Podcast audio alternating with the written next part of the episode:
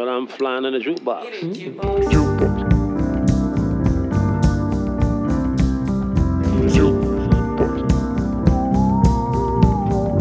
Flying jukebox. Hej och välkomna till den flygande jukeboxen, en podd av, med och för musikälskare.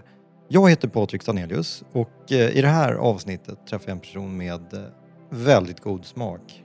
Eh, Bra öron och känsliga gitarr och ibland pianofingrar. Och den jag pratar om är Jonas Teglund. Ena halvan av eh, förlaget och skivbolaget Teg Publishing som han driver tillsammans med sin bror Anders Teglund. Men nu är det fokus på Jonas. Jonas spelar ju bland annat gitarr med Hurula, Mattias Alkberg. Han eh, har samarbetat med folk som Iris Viljanen, Isak Sundström på de eh, två fantastiska IB Sundström-skivorna Antropofagernas rike 1 och 2.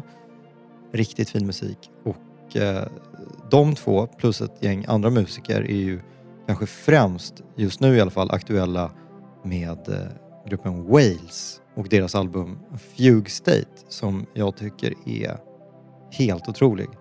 Så det var verkligen kul att få träffa Jonas och liksom dissekera det som hörs på den skivan.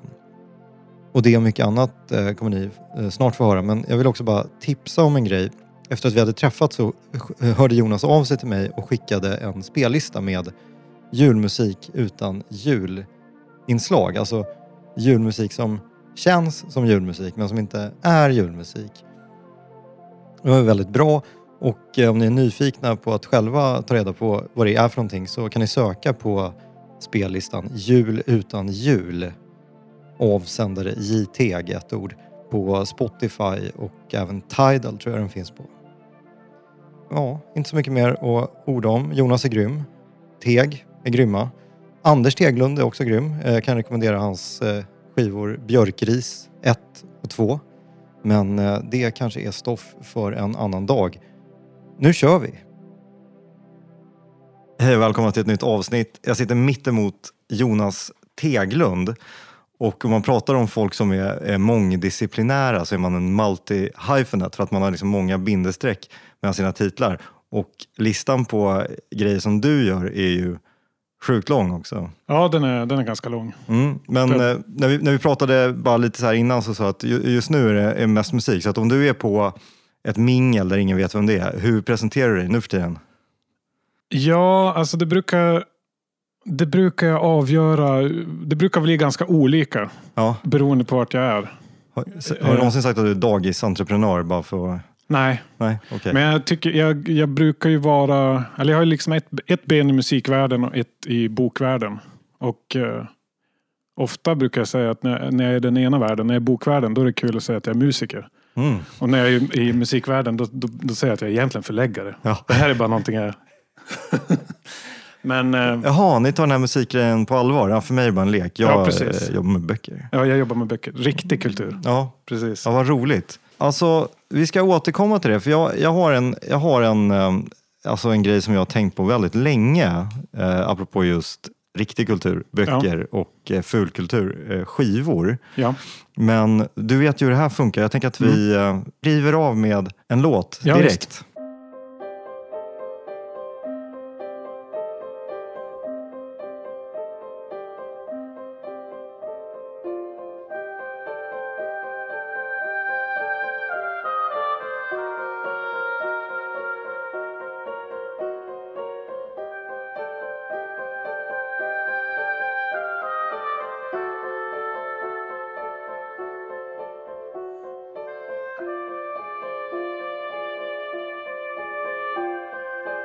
En eh, vacker oboe.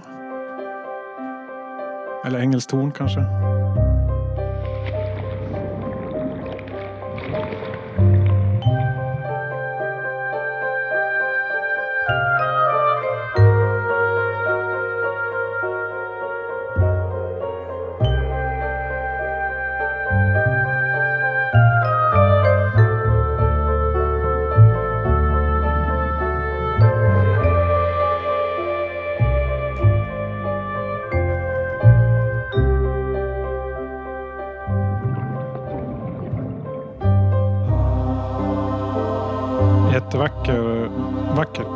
Vattenljud. Det låter som att det är inspelat nästan under vattnet. Mm.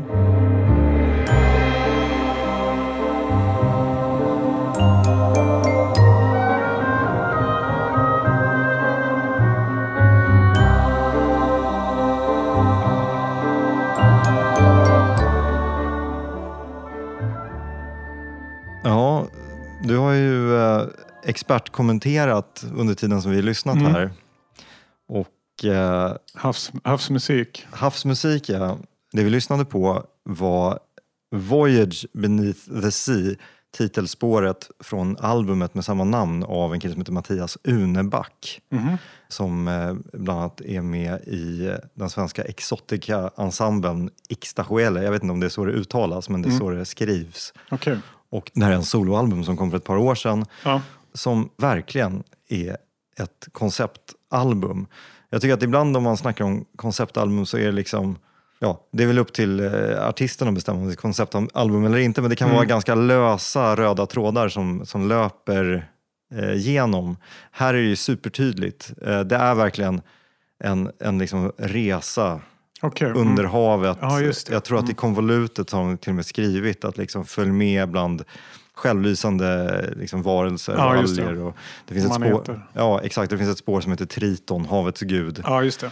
Jag fattar. Ja, helt underbart. Utgiven på Subliminal Sounds Okej, som, som mm. är, är väl Exoticans främsta beskyddare i ja, världen vet jag inte, men Nej. i alla fall i den här delen av världen. Ja, precis. Eh, nej, jag har inte hört det här förut, men det var ju det var jättevackert. Mm. Ja, det är ett, ett gediget tips för en, Ja. för en intressant afton. Och du var ju också inne på att du eh, kan ana varför jag valde det här spåret. Ja, precis. Alltså jag tänker ju att eh, ja, men dels havs, hav och vatten har ju jag jobbat med, med på, i flera projekt egentligen. Mm. Ja, men kanske framförallt Ibe Sundström som jag var med och gjorde, eller har gjort flera skivor, men bland annat Antropofagernas rike Mm. som ju har väldigt mycket vattentema. Och lite liknande instrumentering. Där har vi ju också kombinationen av eh, den där typen av blås. Alltså vi har ju engelskt horn och tvärflöjt och fagott är det väl framförallt och klarinett på den skivan. Det här lät som en oboe eller någonting. Mm. Och sen kombinationen med, med ändå liksom rockband och lite syntar och körer. Det, Mm.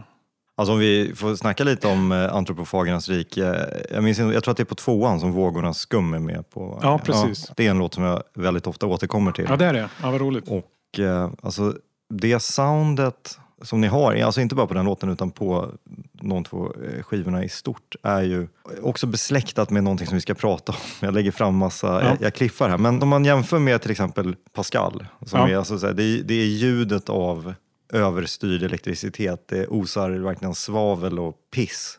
Typ. Ja, precis. Och så jämför man med det här som är bara som en, en bomullstuss. Ja, Hur kom ni fram till det ljudet, till den liksom, känslan? Både jag och Isak gillar ju mjuka ljud. Och det var väl liksom en tanke. Alltså det är ju Isaks det är Isak som är artisten som har skrivit det mesta och liksom, jag har ju, min roll har ju varit producent och att jag spelar massa grejer. Men um, hur vi hittar fram till det har väl liksom varit väldigt mycket testa oss fram men också att vi, att vi vill, eh, alltså eh, en, på, på, på den skivan var väl liksom den övergripande produktionsidén var ju också att, att allting, alla musikaliska rörelser skulle vara vågor. Eh, och det vet jag inte om man, man, eh, hur mycket man tänker på det men att, att det oftast är liksom att vi oftast styr dynamiken i låtarna också med i olika former av vågrörelser. Och då finns det vissa, på, framförallt på första skivan där det är tydligare, där, det är, där, vi, där, där musikerna spelar i vågform. Men även på, på de där låtarna. Och de, ja, men den Vågornas skum, den är ju, det är ju egentligen en och samma låt som den som heter Vågorna. Och sen är det ett mellanparti Mm. som, bara, som är lite som det vi lyssnar på nu. Den är ju liksom också att eh, den heter Submersio. Då, då är liksom under vattnet. Alltså det är ju som tanken att man hamnar under vattnet. För den är liksom bara, ja men där är didgeridoo och syntar. Och, men, men det spelades in som en enda låt.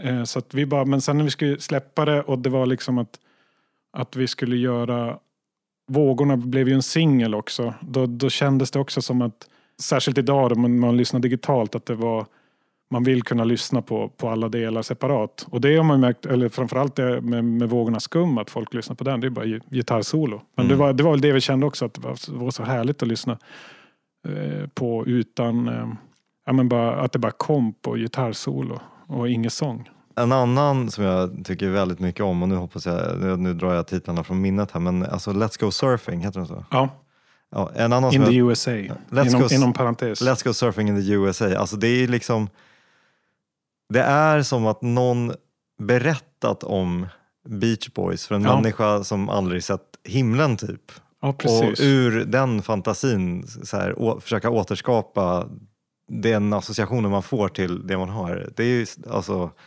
fast filtrerat genom någonting helt annat. Ja, precis. Ja, vad roligt att du säger det. Det var väl en tanke också att det skulle vara... Alltså man gillar ju den, eh, den grejen att det är som... Ja, men någon som eh, fantiserar om Beach Boys. Mm. Så, Alltså bara att det, det är inte amerikansk musik men det är, det är liksom fantasin om amerikansk musik. Och att, det, att, det, att texten är så också. Alltså bara Let's Go Surfing och att det första det är som en dröm och sen när, man, när, när kommer den här liksom responskören In the USA. Det är som så här det är ingen som skulle, det, är- det är så svenskt att sjunga så, Mm. tycker jag. Ja. Och att, eh, men det är, ändå, det är ändå vackert. För det är också vackert det där och jag vet inte, jag tycker det, det, det är en vacker dröm om USA, om Am- Amerika. Och liksom det så populärmusiken är ju också så väldigt mycket att, man, att, att det, man riktar sig ditåt för att det är centrum. Och det är någonting fint tycker jag. Men att man inte behöver dölja det svenska i det. Nej. Alltså att det är väldigt, man kan ju ändå behålla det, alltså det svenska språket är också så vackert och, och blicken härifrån är ju också, man, man ser den här, om man tittar ditåt så är det ju som en, en föreställd amerikansk värld. Och det tycker jag det är ganska spännande också. Mm. Det är inte så viktigt att vara äkta, tycker jag. Menar jag med det. Nej, jag fattar. Men eh, okej, men det vill jag, för det är ändå det är intressant att du säger det. Jag tänker att det är många från eh, den delen av landet som du kommer ifrån som ägnar sig åt eh, musik och kultur är väldigt eh, principfasta. Nu, Ja. Det är en grov generalisering, men jag, jag liksom, framförallt att så här, om man ska lyssna på amerikansk musik så ska det vara en jävligt specifik sorts hardcore typ. Ja, just det. Eller Neil Young. Ja, Men, ja, du, men jag, du är lite mer eh, öppen. ja, jag har aldrig varit så. För jag har aldrig riktigt varit så... Jag vet inte. Om man ska vara så hård med, med vad man lyssnar på. Det är som... eh, Det bygger ju kanske mer då på att eh, musik som eh, identitet och typ identifikation. Och det finns ju, det har ju funnits för mig också, men det är svagare än den andra. Att jag varit mer intresserad för bara själva musikens inneboende delar. Melodierna, rytmerna. Mm. Och då blir det ju kanske också, eller i mitt fall då också, att jag... Ja men nu har jag gjort mycket så här mjuk musik och då intresserar man sig för mycket som är ganska töntigt, eller har varit töntigt. Typ. Det började jag med ganska tidigt. Nej men jag vet inte men... Men... ehm, eh, ja men sådana här, alltså i rocksammanhang så är bara någon flöjter. Alltså, Men det är ju det, ja, det, är det bästa som finns. ja det är ju Alltså, det, men, men inte i, i hardcore-kretsar. Nej, kanske. Alltså, Okej. jag kommer ju inte från hardcore-kretsar så att jag ska Nej. inte säga något om det. Men, men liksom att, man, att jag alltid varit sådär, att jag, ja men typ didgeridoo, det är så vackert. Strupsång tycker jag jättemycket om. Alltså sådana som man bara i ett popsammanhang kanske bara tycker är töntigt. Panflöjt, det är mycket panflöjt på Ibe Sundström också. Nu är det ju inte töntigt längre kan man ju också säga. Så jag ska inte säga Eh, och jag ska inte påstå att jag var eh, först med det heller, men, men att eh, jag ändå... Ja, men det In- handlar, precis, förlåt, men det handlar om att smuggla in det också i någon sorts rätt kontext, att veta vad man gör. Typ. Alltså om Adolfsson och Falk står och blåser i en panflöjt så Ja, låter det faktiskt inte lika nice som när en människa med en annan sorts känsla eh, och förnuft gör ja det. så kan det ju vara. Eh, men, Men- kanske också att jag, jag tänker väl kanske också på, eller att det är roligt, men för jag och Isak, vi har ju ingen eh, vi, kan, vi kan ju ingenting också. Alltså att vi, vi kommer från ett håll där vi, när vi spelar med de här, alltså ta in de här eh, proffsen. Vi tar in mycket proffs och sen är vi liksom väldigt förvirrade eh, med våra instruktioner och hitta på egna sätt att styra dem. För att vi inte kan noter och vi kan inte Ja men typ så här, jag har ingen aning om, alltså när man tar in ett sånt här klassiskt instrument då har de ju ett register. Mm. Då kanske låten går i fel tonart. Eh, då får man lösa det liksom. Att så här, och vissa grejer är, ja, men, som vi inte hade någon aning om, typ att vi på, på Antropofagernas rike spelar ju, då är det Per Texas Johansson spelar fagott. Det är ganska mycket fagott på skivan och på ganska många låtar spelar han liksom, ja men nästan gitarriff. Alltså han kompar, eh, lite bluesigt. Och fagott är ett fruktansvärt tungt instrument att spela. Det var en sån grej som vi inte hade tänkt på. Att, att, att, ibland var det som att, att han höll på att svimma. För att, men vi märkte det inte för det lät ju bra hela tiden. Men han bara, nu måste vi pausa. För att, nu har inte, ja. Men jag, jag skulle vilja se bakom filmen om den här inspelningen för jag får liksom lite Pet Sounds-vibbar att så ni går runt, vi tar, liksom, vi, tar, vi tar in lite sand från stranden och går barfota för att få rätt känsla. ja, Eh, två giraffer som spelar dragspel typ. ja. Ja. Ja, så, så var det. Nej men, eh, vad, ska jag säga, det, det, det var, alltså vi jobbar, vi, när vi, jag och Isak jobbar så jobbar vi väldigt mycket med trivsel. Och då är det, vi ordnar bra catering ofta. Vi har lagat mat själva, har med fika och eh, öl. Och då kan det vara lite olika. Vi har en, en i bandet som vi vet blir väldigt glad om man har med sig Pripps Blå. Så då, då är det viktigt att det finns Pripps Blå. Och sen, eh, men sen är det ju bara, ja men sen kör man på bara. Och ja, Så trivsel är en ganska stor budgetpost i... ja fast eh, det är ju nästan inga pengar inblandat. Det är mer, all, den mesta insatsen är tid egentligen. För att det, det är ju, ja det är det man jobbar med. Det är det som finns oftast. För att det är inte så ekonomisk musik kanske.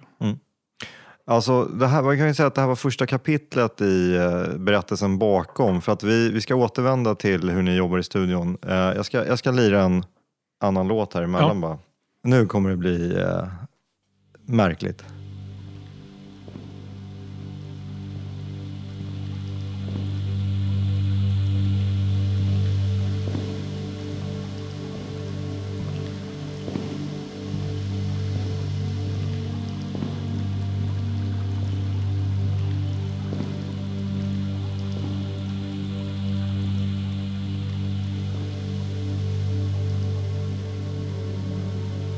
Hur skedde det? Hur mötte det varann? Det stod då plötsligt man mot man. Det stod då på en klippavsats högt över hertigdömets blå palats. Högt över undanflyktens stad skymtande snöblek genom valv av blad.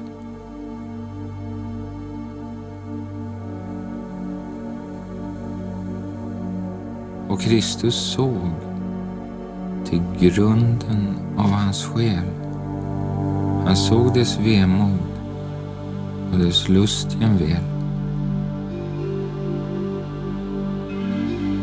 Och Kristus tänkte, denne vet allt som kan vetas om förgänglighet och ur hans väsens mörka djup jag hör medlidandet med allt som dör. Och Kristi stränga kärlek såg en kärlek djupt förförisk som en drog. En dunkel drog. En sällsam trolldomssaft. Men utan läkedomens kraft. En mildhet som var Ja, obruten. det är jättevackert. Alltså, Kristet. ja, Men ehm, just det här är ju det. Vi ska, men alltså, det här har jag faktiskt inte så mycket på. Det är liksom ett fynd som jag snubblade över i veckan okej. och tänkte, alltså det här är så himla lägligt för jag visste att jag skulle träffa dig. Ja. Jag ville verkligen eh, ta med den och, och dela med mig av det här. Ja, Vi lyssnar på ett album som heter Dårarna okej. av en musiker som heter Ted Dojevski.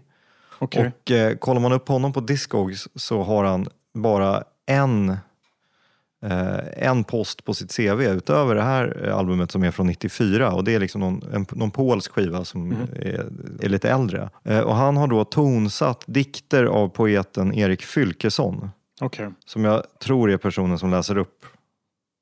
Ja, undrar om Erik Fylkesson, det känner jag igen. Om jag har någonting. Eller så blandar jag ihop. Jag, jag vet inte. Mm. Vi lyssnade på Kristus uppsöker Lucifer. Jag måste tänka på någon annan. Det här kristna känner jag inte igen. Nej, Nej. men det är inte bara biblisk eh, symbolik i Nej. det här. Utan jag, jag tänkte faktiskt spela upp ett annat exempel för att visa att det här är liksom någon sorts bortglömd, måste man väl ändå säga, Ja. eller okänd new age-skatt som har Ja, snubblat över här. Det var ju underbart. Det var ju jätte, och jättevacker text. Ja, lyssna på det här. Vem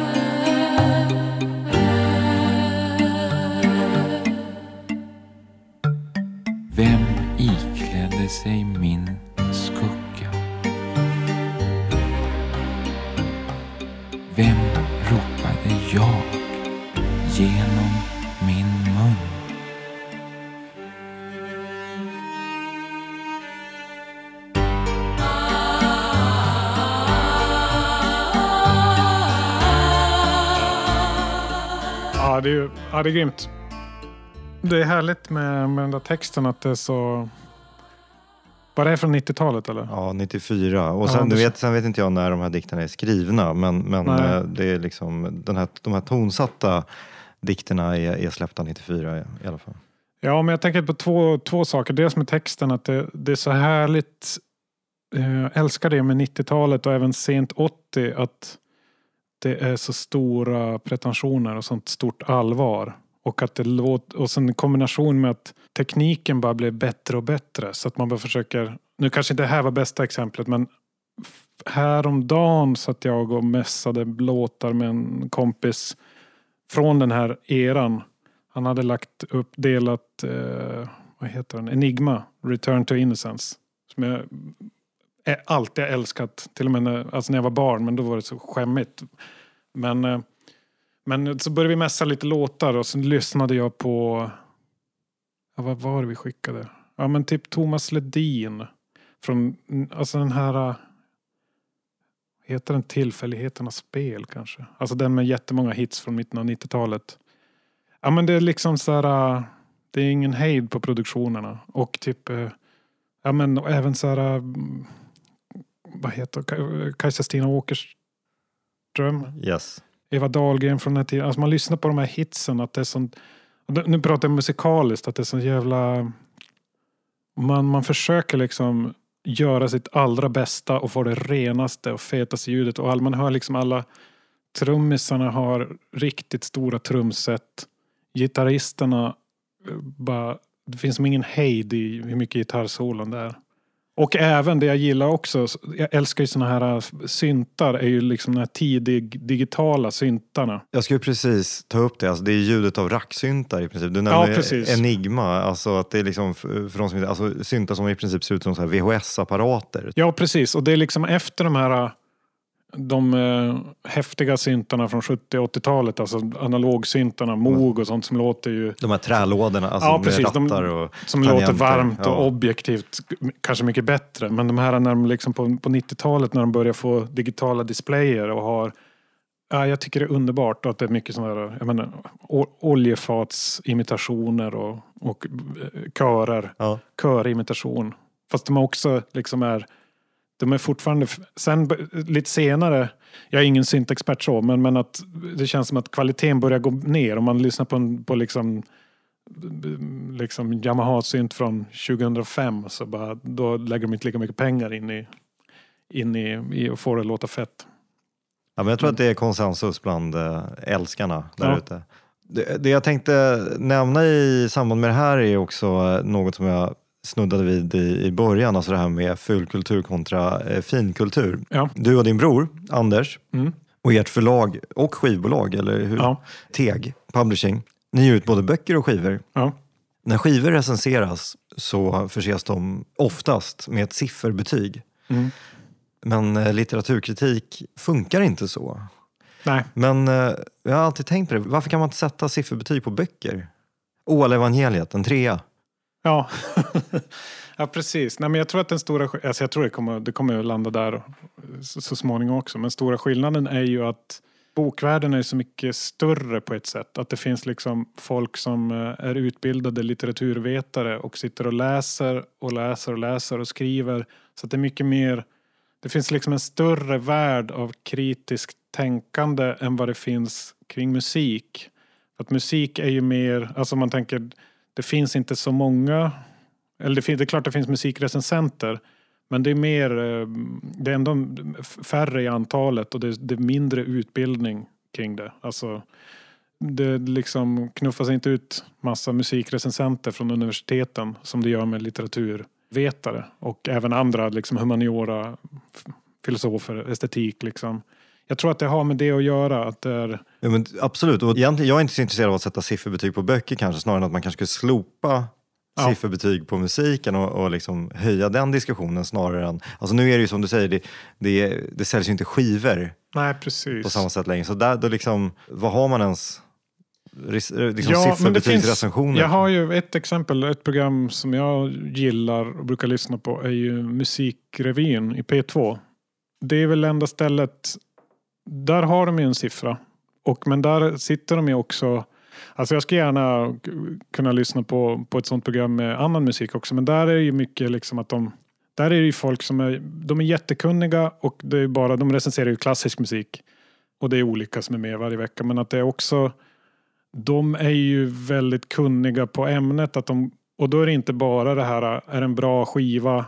Vem är artisten? Är det rätt i tiden? Utan att det kan vara typ så här, men någon, ja men det är någon ny pianoskiva med någon som spelar Frans Liszt. Och sen är det typ att, att de säger att han, eh, ja han är, det, det går ju väldigt snabbt här i andra satsen och han sätter ju verkligen, men jag tycker att han tappar lite sentimentalitet när det går för fort.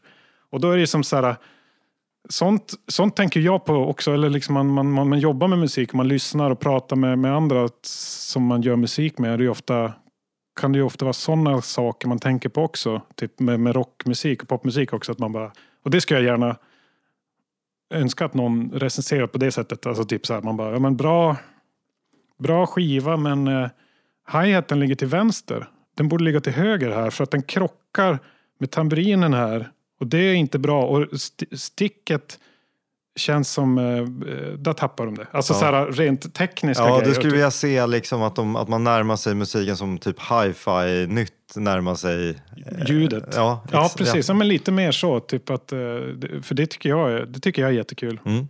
Ja, det Eh, det- och, och, och helt kanske klart. typ att så här bara, ja, men den, det är en bra låt men eh, den går lite för snabbt.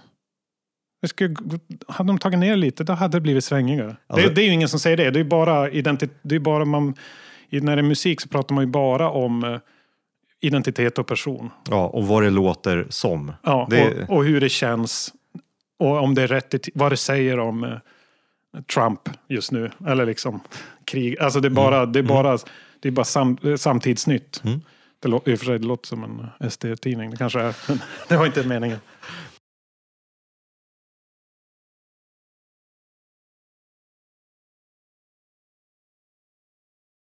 Ja, All right. du, eh, det är dags för låt igen. Jag Ja. har tänkt att vi ska eh, byta riktning lite. Vi stannar i Sverige Mm. och eh, vi rör oss fortfarande, alltså det går ju inte att röra sig framåt i tiden, men eh, vi, vi eh, är kvar ett tag lite längre bakåt i tiden. Ja. ja det här är ju... Det är jag som spelar. possibility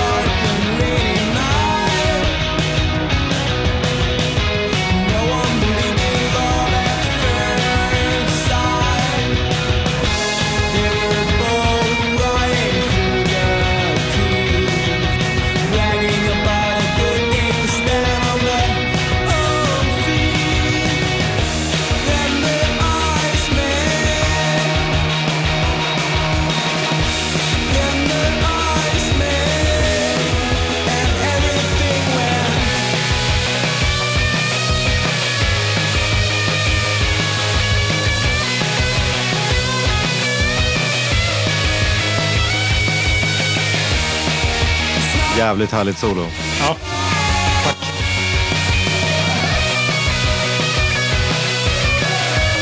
Det är, det är jag som försöker spela rocksolo utan att riktigt kunna det.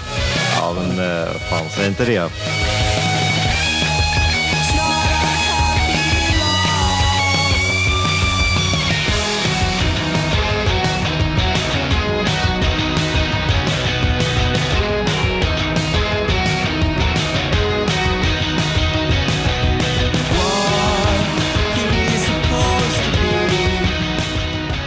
Jag tänker att eh, du får äran att ava det vi precis lyssnade på. ja, det här var då mitt, eh, ett gammalt band som heter Park Hotel som jag var med i.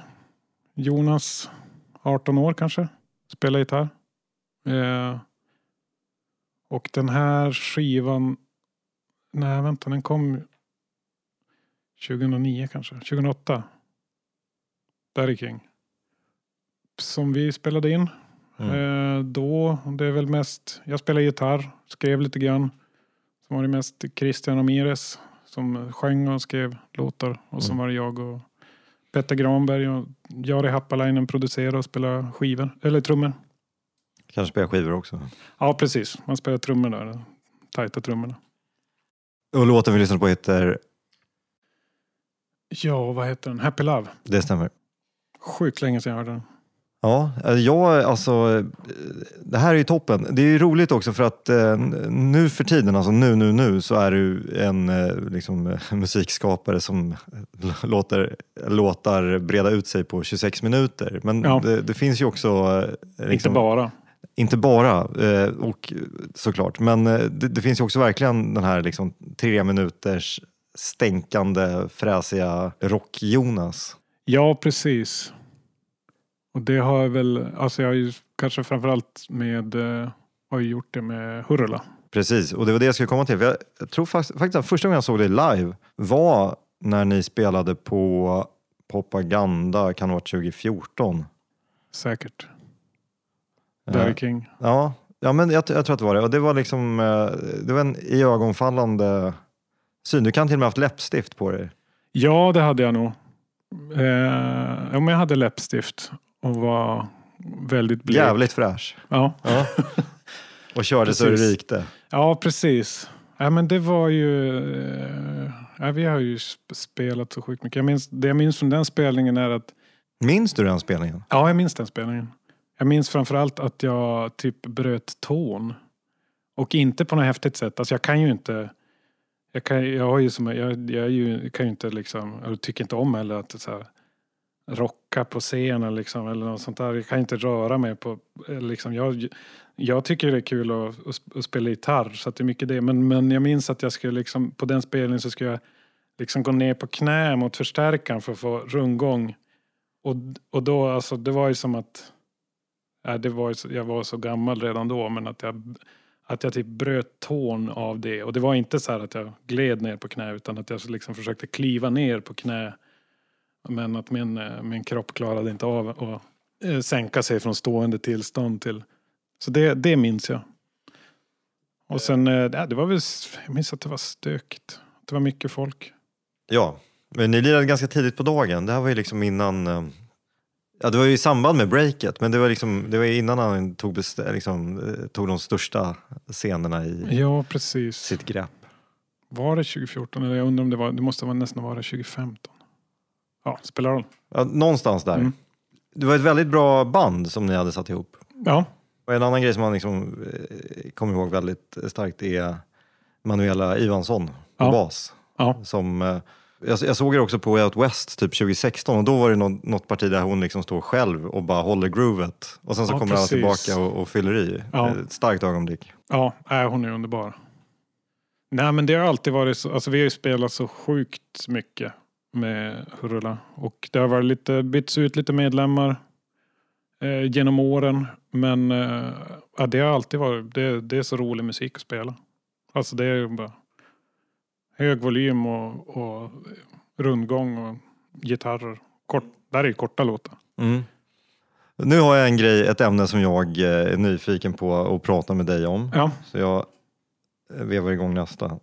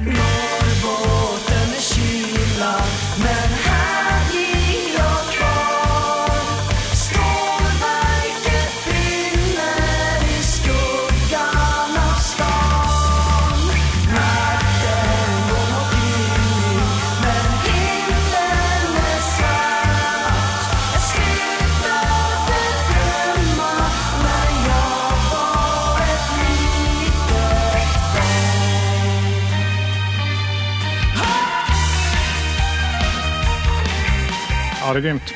Ganska mycket eh, ABBA över den där låten. I melodierna. Eh, Den här får du också av va? Eh, Magnus Ekelund och Stålet med låten, heter den Norrbotten bara? det gör den. Ja. Och skivan heter eh, Svart flagg. Svart flagg, ja just det. Det här är ju eh, någonting som eh, du har gett ut. Ja. Och kanske även haft fler eh, fingrar i kakburken på. Nej, egentligen inte. Nej. Jag har nog bara gett ut det. Jag har inte varit med och spelat eller skrivit eller mixat eller någonting Nej. på den. Och eh, det, det vi kommer till är att alltså, my- mycket av det ni gör på TEG är ju väldigt alltså, regionalt betonat. Ja, Och jag förstår ju att det är en del av eh, er identitet, men har, var det också ett, ett uttalat mål från början med eh, förlaget och skivbolaget att liksom, nu ska vi lyfta fram kultur, alltså musik, Mm. berättelser som rör Norrland och Norrbotten? nej, det var inte alls det. Alltså vi hade inte alls den tanken. Och, men däremot var det, alltså det som har varit den röda tråden ganska mycket är ju att vi har gjort grejer som, eh, som det är jag och min brorsa som driver det och att vi, vi har bara gjort projekt som någon av oss har velat göra typ. Och eh, där vi började var det ju också så bara ganska naturligt att man vi började ju med sak, att ge ut saker vi tyckte var bra och som ha, vi hade koppling till. Eh, och att även saker då som vi tyckte var viktiga. Och då är det ju ganska mycket så bara, men vi kommer därifrån och då har vi, alltså att man, dels att vi kunde det och kunde också kanske se kvaliteten i saker som eh, som kanske andra förlag och skivbolag inte hade kunnat se för att man inte har samma kulturella bakgrund. Inte för att den är jätteannorlunda men typ ja, men ett bra exempel på det är väl kanske så här äh, David Väyrynens diktsamling Marken som ju är liksom ett diktverk som liksom på något vis fångar folksjälen i Norrbotten och Malmfälten och Tornedalen och även andra delar. Alltså det, den har ju kopplingar till massa andra delar. Men den var ju som en grej som, att, att, att, som kändes som att så här, bara, men här fattar vi att det var så självklart varför den var så, så bra. Och det är väl kanske den, det är väl snarare ur, ur, det- ur, att det som är orsaken till att det har blivit så mycket sånt. Eh, men, men vi har ju aldrig sökt efter det och vi har aldrig haft det som, som vad heter det, eh, manifest. Eh, även om folk ofta har trott det. Men vi har gjort massa grejer som inte är kopplade till det och inte har med eh, regionala frågor eller liksom glesbygd. Alltså, och massa typ så. Men vi har gett ut Tåström och ja, men jag vet inte. Mm. Nu, ännu mer nu på senare år. Fr- Från början var det väl kanske mer så, eh, från Norrbotten och norra Sverige. Men det var ju också för att det var där vi började. Mm. Och att vi gav ut mycket grejer som vi jobbade med. Alltså typ Mattias Alkberg och sånt där som jag spelade med. Alltså dels att vi gav ut musik från Norrbotten, det var ju också, eller att vi började överhuvudtaget var ju också som bara, men det fanns ju inget Alltså typ att det fanns inga skivbolag, det fanns inget bokförlag. Och vi gjorde böcker och skivor. Eh, och kände ingen vi, i Stockholm. Där alla, alla finns som jobbar med sånt. Eh, och visste ingenting om vad man gjorde. Så att då, bara, men, då började vi göra det själv. Och det fanns egentligen inte någon... Eh, Eh, det, var, det var i den ändan det började. Inte med en dröm om att ha ett skivbolag, bokförlag. Utan bara att vi gjorde grejer. Och sen bara, vi måste få ut det på något sätt. Det var ganska mycket där det började. Mm. Och sen kom vi ju in på det ganska mycket, alltså de här glesbygdsgrejerna också med eh, Ja, vi gav ju ut en bok som heter Norrland av Po Tidholm 2012. Man blev en föreläsningsserie och en eh, podd. eller Ja, precis. Och det var ju liksom, det var ju också en tid när det fakt det, så är det ju inte längre idag. Nu, är ju, nu skrivs det ju om Norrland i, i dagstidningar och på, det är med på tv ibland. Man glömmer bort att det inte, att det inte var så. Att det, det stod ingenting i DN om, eh, om eh, musik i norra Sverige. Och det var, det var helt ointressant. Och från början var det liksom också mm, Ja men hela den grejen, det har ju på gjort det stora arbetet med att, så här, nu, nu är det ju liksom är ju folk medvetna om att norra Sverige och glesbygden i allmänhet har, beha- har liksom behandlats som en koloni inom Sveriges gränser. det var ingen som brydde sig eller tänk, tänkte på det då. Ja, vi, vi tar en liten eh, avstickare för att sedan återvända Ja, till den här världen.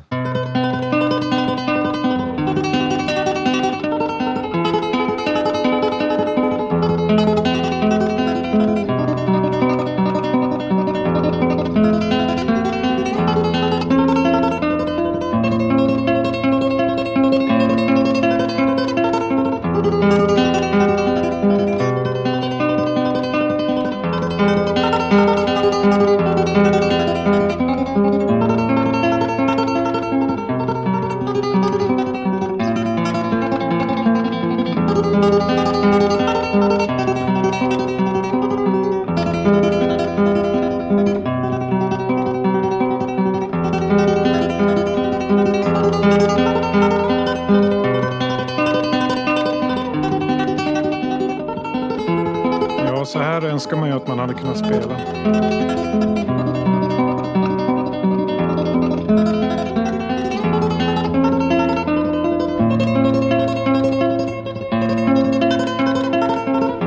Vad är det för något? En otålig Jonas Teglund Ja. frågar. Jag vill veta. Ja, det var jättefint. Jag ska berätta. Vi lyssnade på låten Palios Skopos.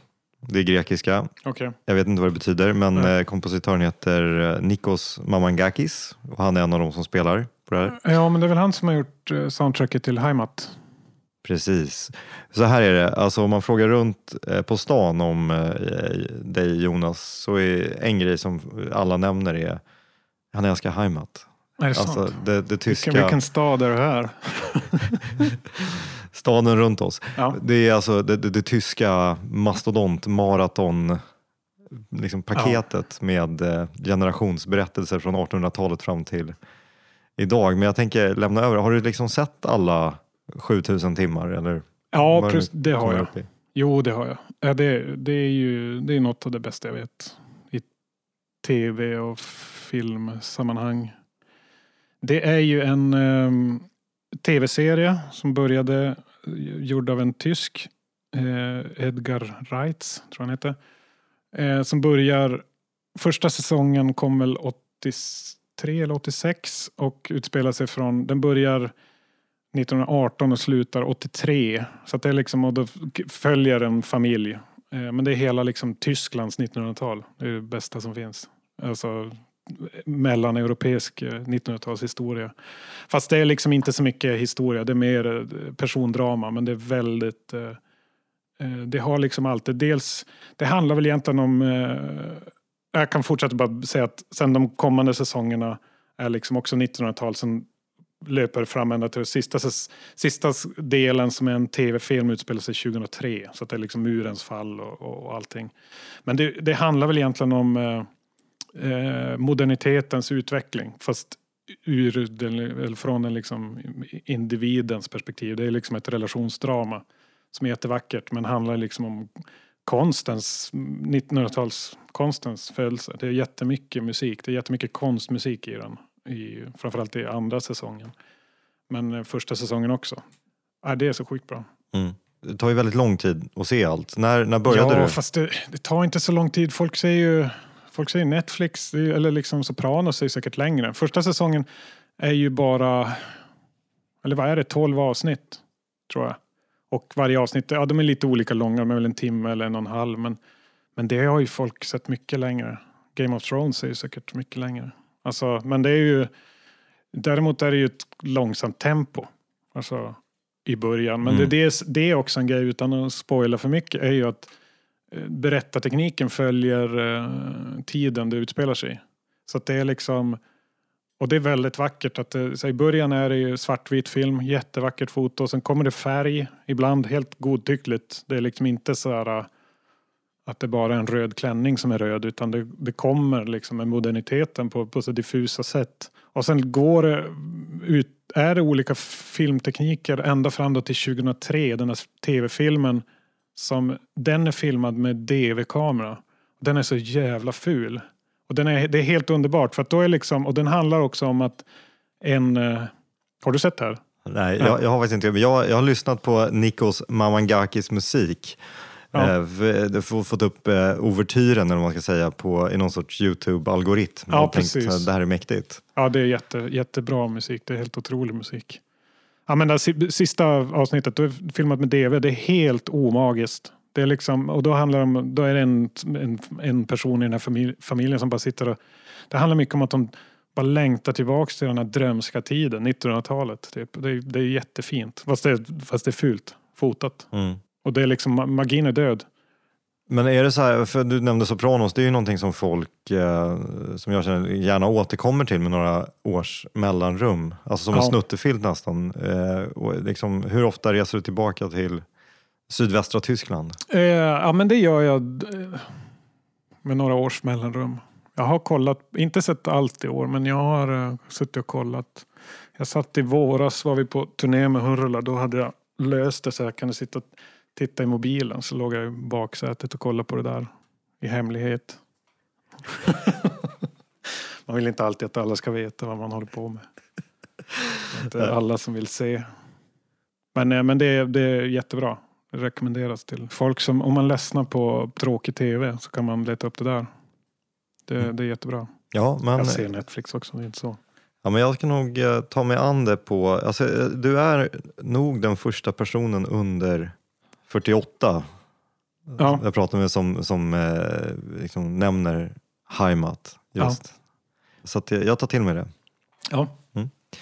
Då ska vi tillbaka till eh, Teg här igen. Alltså, nu vet jag inte riktigt, jag får ju liksom jag får ploppa in någonstans kanske mitt i eller någonting. ja, just det. Vi har inte tid att lyssna på hela kanske.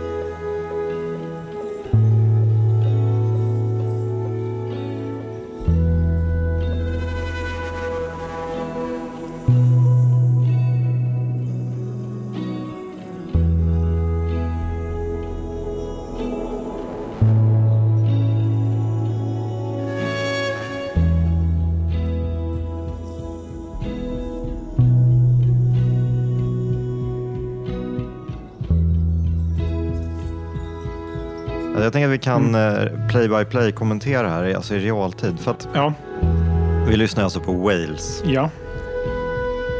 Spåret heter, ja hur uttalar du det? Med taxi tror jag det uttalas. Och vad betyder det?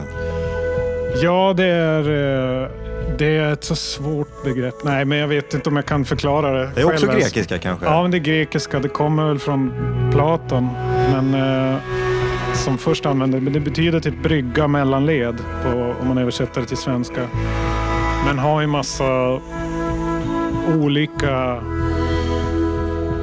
betydelser i, i liksom eh,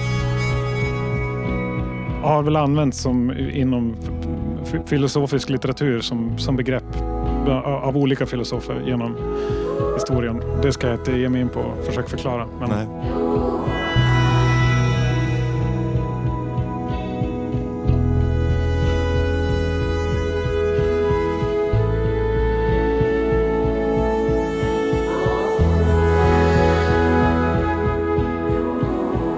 Jag inte riktigt begriper är...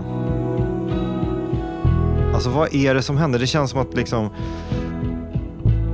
De tydliga grejerna, vi har gitarren, vi har trummorna och sen så är det som att det är liksom ett, ett kaleidoskopiskt lapptäcke av lager med röster och Ja, precis. synt. Alltså det, det är egentligen det är synt. Alltså live, eller det, är Isak spelar synt och sen är det ett gitarrsolo som kommer i vågor som jag spelar. Eh, och sen är det kompgitarr. Rebecca Rolfart spelar bas. Nisse Törnqvist spelar trummor. Och så är det Nils Berg spelar ju tvärflöjt. Det ligger någon saxofonton där också. Mm. Eh, och sen är det jag som sjunger. Eh, så det är egentligen bara en röst men bearbetad eh, så att den ska låta overklig. Eh, och det, ja, det är någon till kör. Sen ligger det också, det vi hörde, vi började lyssna på är ju också eh, Gong Gong. Det här susljudet fast egentligen eller, Tam Tam, som är, som, eller Tam som det heter. Egentligen. Eh, Om vi ska ta- tillåta oss att vara sådär forensiska som du Ja. efterlyser. För jag, alltså, dels liksom inspelning, alltså trumljudet, det, det är så himla...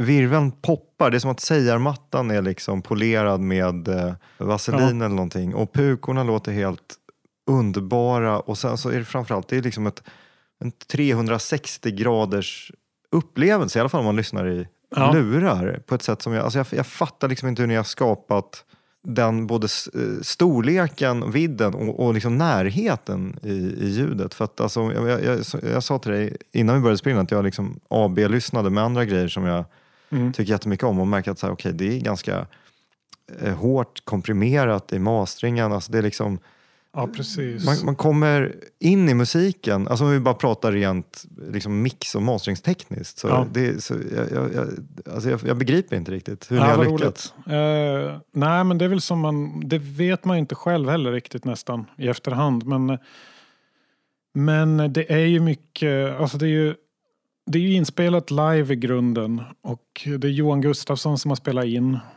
eh, grunderna. Och så är det ju väldigt mycket... Alltså att allting är ju liksom också spelat på något vis. Att det är det som är också. Att det inte... Det är inte liksom upplopat efter klick utan att det är, vi satte tagningarna och sen har vi gjort pålägg på dem men vi har inte liksom loopat upp det utan eh, man, det är det, det, det som är.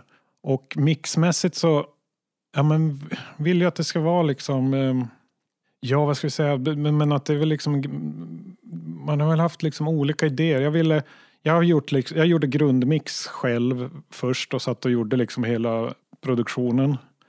Och generellt så jag vill ju att det ska vara mjukt, att det ska vara liksom att det är så här, ja men så här, någon, någon form av meditationsrock har jag tänkt mig att det ska vara. Att man ska vara liksom, och aldrig byta, alltså att det är långsamma rörelser, aldrig bryta stämningen. Nej, jag undrar, alltså, är det i, i eh, första spåret, Afeiron eller, eller House of the Rising Sun som ni liksom byter ackord efter sju minuter första Ja, det är gången? den första. Ja, jag, jag klockade det. Jag tänkte, det, Ja. det blir ju också så himla förlösande effekt när det där ackordbytet till slut kommer. Ja, precis. För det är inte så att man har gått och saknat det, men Nej. så bara, och sen, eh, äh, det var ju också det som var liksom en grundidé. Att testa hur det skulle bli. Och om det funkar att göra så. Och det, det blev ju någonting. Det var väldigt spännande när vi spelade in det. Att man bara, om vi ligger på ett ackord så byter vi efter sju minuter. Vad som, händ, vad som ska hända. Men det, man, och när man just har bytt ackord då, då, då, längtar man, då väntar man ju, då längtar man ju tillbaka till det första. Men så efter några vändor då börjar man glömma det första ackordet. Och då blir man igen överraskad så två minuter senare när det kommer ett nytt ackord. jag tänker att vi, vi fortsätter snacka medan jag smyger igång eh, ett till spår från eh, Wales här. Jag kan säga mixmässigt. Sen mixar jag med Johan Gustafsson. Har gjort slutmix. Och där var det ju ganska mycket att jag ville... Alltså han är, mycket, han är så jävla bra. Men att det var också bara att jag ville utifrån vad vi hade i grunden att det skulle bli... Jag ville att det skulle kännas ännu mer amerikanskt. Att det får lite så här lyxig... Alltså typ eh, lyssna på Tom Petty och Eagles. Att det skulle bara låta så också. Mm. Ja, jag tänker, alltså verkligen, verkligen. Man, det är liksom eh, Amerikansk mix. västkust, ett Steely Ja, Dan-hållet precis. nästan. Ja. En annan, ett annat sätt som du har beskrivit den här skivan på är ju blues i dur. Ja, Nu lyssnar vi på ett spår som heter Blues 4. ja. Just, eh, jag tycker att det är en väldigt rolig tanke. Alltså att det, det går ju liksom... det går ju att spela blues i dur, men att ni verkligen inte har liksom, de blåa tonerna. Nej, precis. Det var ju också grundidén att göra blues, ja men glad blues. Eh, att det skulle vara eh, bara, allt skulle gå i dur och att allt skulle vara ljust och glatt. Och sen då är det ju jättelång musik också, men, men det var liksom grundtanken och det har varit också som en, det har funnits med hela tiden att Eh, vilket var också skitsvårt. Alltså bara, men det var väl en, liksom en, en del i det. Bara, men kan man göra en hel skiva som är så här lång? Den är ju typ en timme och 35 minuter utan ett enda mollackord. Att det bara ska vara ljust och glatt hela tiden. För det är, och även där som du vill lyssna på nyss. När det är eh, gång-gång där parti så är det ändå liksom dur-tärs att det ska bli lite, alltså att det ska vara ljust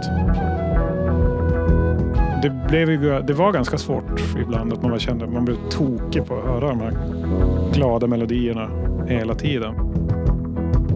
Men eh, det blev en skiva i alla fall. Ja, det är fantastiskt. Och då är det alltså en timme och 35 minuter fördelat på fem spår. Ja, precis.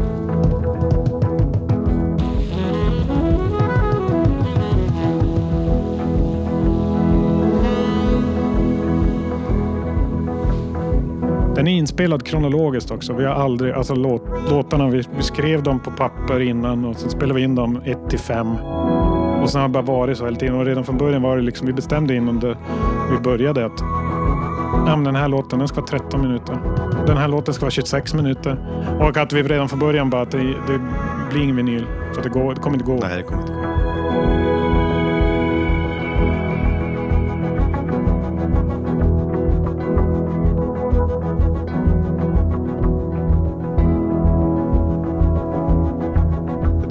Ganska enkel idé att göra glad blues. Egentligen. Alltså att, men, eh, så det var, ja, men det var roligt att, att göra. Att man, man, när vi kom på det. ja, men det här- Och även kanske mycket att, att alltså, med blues är det som man är gitarrist så är det ju, då har man det ju i, i, blodet på något vis. Att man bara så, här, så fort man får en gitarr i händerna så spelar man de här bluesriffen. Men det finns nästan ingen eh, blues som jag orkar lyssna på. För att det är så mycket solon och sång och så mycket eh, känslor hela tiden. Alltså det är uttrycksfullt. Ja, det är klart det finns jättemycket vacker bluesmusik. Men det här var också att jag skulle vilja ha. Det var väl lite det att man bara, men jag skulle vilja ha en skiva där man bara stannar kvar i, i liksom introt av låten. Bara, jag säger så grymt puk-intro. Men man vill lyssna på det i 20 minuter. Utan att avbrytas. Det var väl också en, en, en, en idé. Lite grann. Ja. Och eh, nu, så här, eh, nu när skivan har varit ute eh, ja, någon månad i alla fall. Ja. Ni, liksom, hur, hur känns det? Är det här ett, är det ett maraton du inte vill springa igen eller är det en värld du trivs eh, med att vistas i? Eh, nej, jag trivs jättebra. Det, det, det var, har varit jättekul att göra skivan. Det är något av det roligaste jag spelat också. Alltså... Det är skitkul att spela det här. Att det är liksom också... Det är som något annat. Att man, bara, man är som bara... Alltså det är som fokus på... Alla bara kompar hela tiden. Bara kompband. Det är så underbart. Ja, eh, jag kan faktiskt inte nog rekommendera eh, den här skivan. Det är, det är helt fantastiskt. Tack, vad gullig du är. Vi ska runda av med en sista låt, Jonas. Ja. Och eh, det fanns ju egentligen en given kandidat men jag tänker att den är lite tröttkörd så att det blir liksom en knorr ändå. Det blåser varma vindar över staden. Men tveksamheten vaggar mig till döds. Jag vet att jag är en av dem i raden. Som går dit andra vill att vi ska gå. Vi vågar inte tro på en förvandling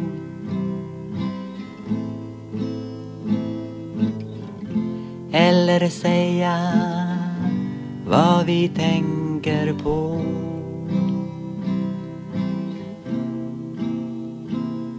Vi vågar inte visa vad vi känner. Vi vågar inte göra vad vi vill. Jag drack ett glas blod men ingen förstod. Jag fyllde mitt glas med vatten. Min bror, den bålde riddaren har kommit till mitt Ja, Kjell Höglund jobbar ju med både moll och sju ackord Ja. här i Varma vindar. Ja, fan vad bra. Äh, det är ju... Eh, ja, vad ska man säga om Kjell Höglund? Det är så mycket som finns att säga där. Ja, jag, jag kan börja med en eh, fråga. Det är nämligen så att eh, jag för inte så länge sedan här i, i inspelande stund eh, såg dig och Petter Granberg som eh, nämnts tidigare eh, riva av Genesarets sjö Ja, precis. live. Du på gitarr och Petter på eh, keyboard och sång. Ja. Är det en låt som du ständigt har i låtväskan?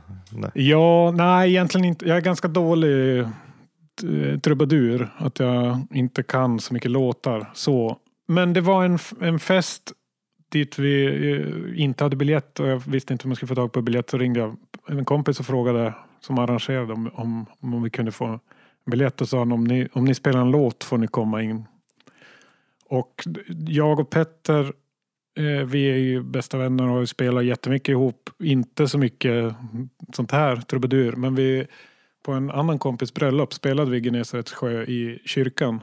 Så att vi kunde den skapligt. Eh, men eh, så att den fanns någonstans. Så då, då sa, sa vi det, bara, men vi kör den. Men Kjell Höglund är väl liksom ändå så, jag har ju lyssnat mycket på honom. Alltså, han är ju en av, en av dem som man tänker på när man tänker på, på, på svensk musik och när, framförallt när, eller ja, det är väl allting, men, men texterna är ju, är ju någonting. Att det aldrig, eh, det tar liksom, eh, hans texter tar aldrig slut. De leder alltid vidare till en, eh, en otänkt tanke. Alltså man, ja men Genesarets sjö till exempel, man lyssnar på den. Man, det är liksom varje rad är någon helt ny bild och de är så, de är så otroliga bilder. Och typ, jag tänker också på den här, nu är jag så dålig på min, men den här gralsång. Också någon, ja men det är liksom han blandar, han blandar alltid enheter fel. Alltså typ att han mäter vikt i tid. Alltså sådana saker. Och, och att det, det är så otroliga, jag vet inte, det, det är verkligen en, det finns mycket där. Och även de här, eh, hans längsta låtar, om man ska tänka långa låtar så är det ju på, på, på Wales är det ju långa låtar men det är ju otroligt kort text. Alltså det är nästan ingen som uppfattar texten men det är liksom bara tre ord per, per låt. Men Kjell Höglund har ju, som, han har ju den här förmågan att han som, som, som typ i häxprocess eller slutstrid att han kan, eh, han kan skriva hur många verser som helst och varje, ingen vers känns onödig. Att det, det bara pågår och sen bara är det en, en till idé om, sam, på samma tema. Men, eh, men det blir inte liksom tjatigt. Och det vet jag inte riktigt någon annan som, som har gjort på samma sätt. Eller ja, det är väl kanske de amerikanska trubadurerna men, men inte på det här svenska. Nej, jag vet inte. Han har ju någonting helt eget. Mm. Som eh, Dylan sneglade på Höglund när han gjorde den här Murder Most Foul. Ja, precis. Den är, väl, den är ju lite så. Ja. Där har vi gått i mål. Jag tycker, alltså, förutom att det har varit väldigt kul att snacka med dig så känns Ja, det också som att eh, det har blivit en extra stor eh, trave eh, tips Ja, vad för, för alla inblandade kanske, även, även ni som lyssnar. Eh, det vet jag inte, men för min egen del Ja. definitivt. Ja, detsamma. Jag fick ju höra en massa grejer jag inte hört tidigare. Mm. Jonas, tack så hemskt mycket. Tack själv. Kan du säga några ord om vad som händer härnäst för dig? Eh, jag jobbar med, med ny musik eh, som kommer eh, i framtiden. Lite oklart vad, men vi ska, och sen ska vi spela live med, med Wales. Eh, det är inte liksom helt spikat ännu, men vi håller på att kolla på att göra spelningar på olika ställen i Sverige under eh, 2023. Så det är väl det. Och sen fortsätta göra skivor. Eh, Prio ett. Det är många, många skivor ogjorda Mm. fortfarande. Bra. Det ska jag fortsätta med. Det ser vi fram emot. Ja. Tack så mycket. Tack själv.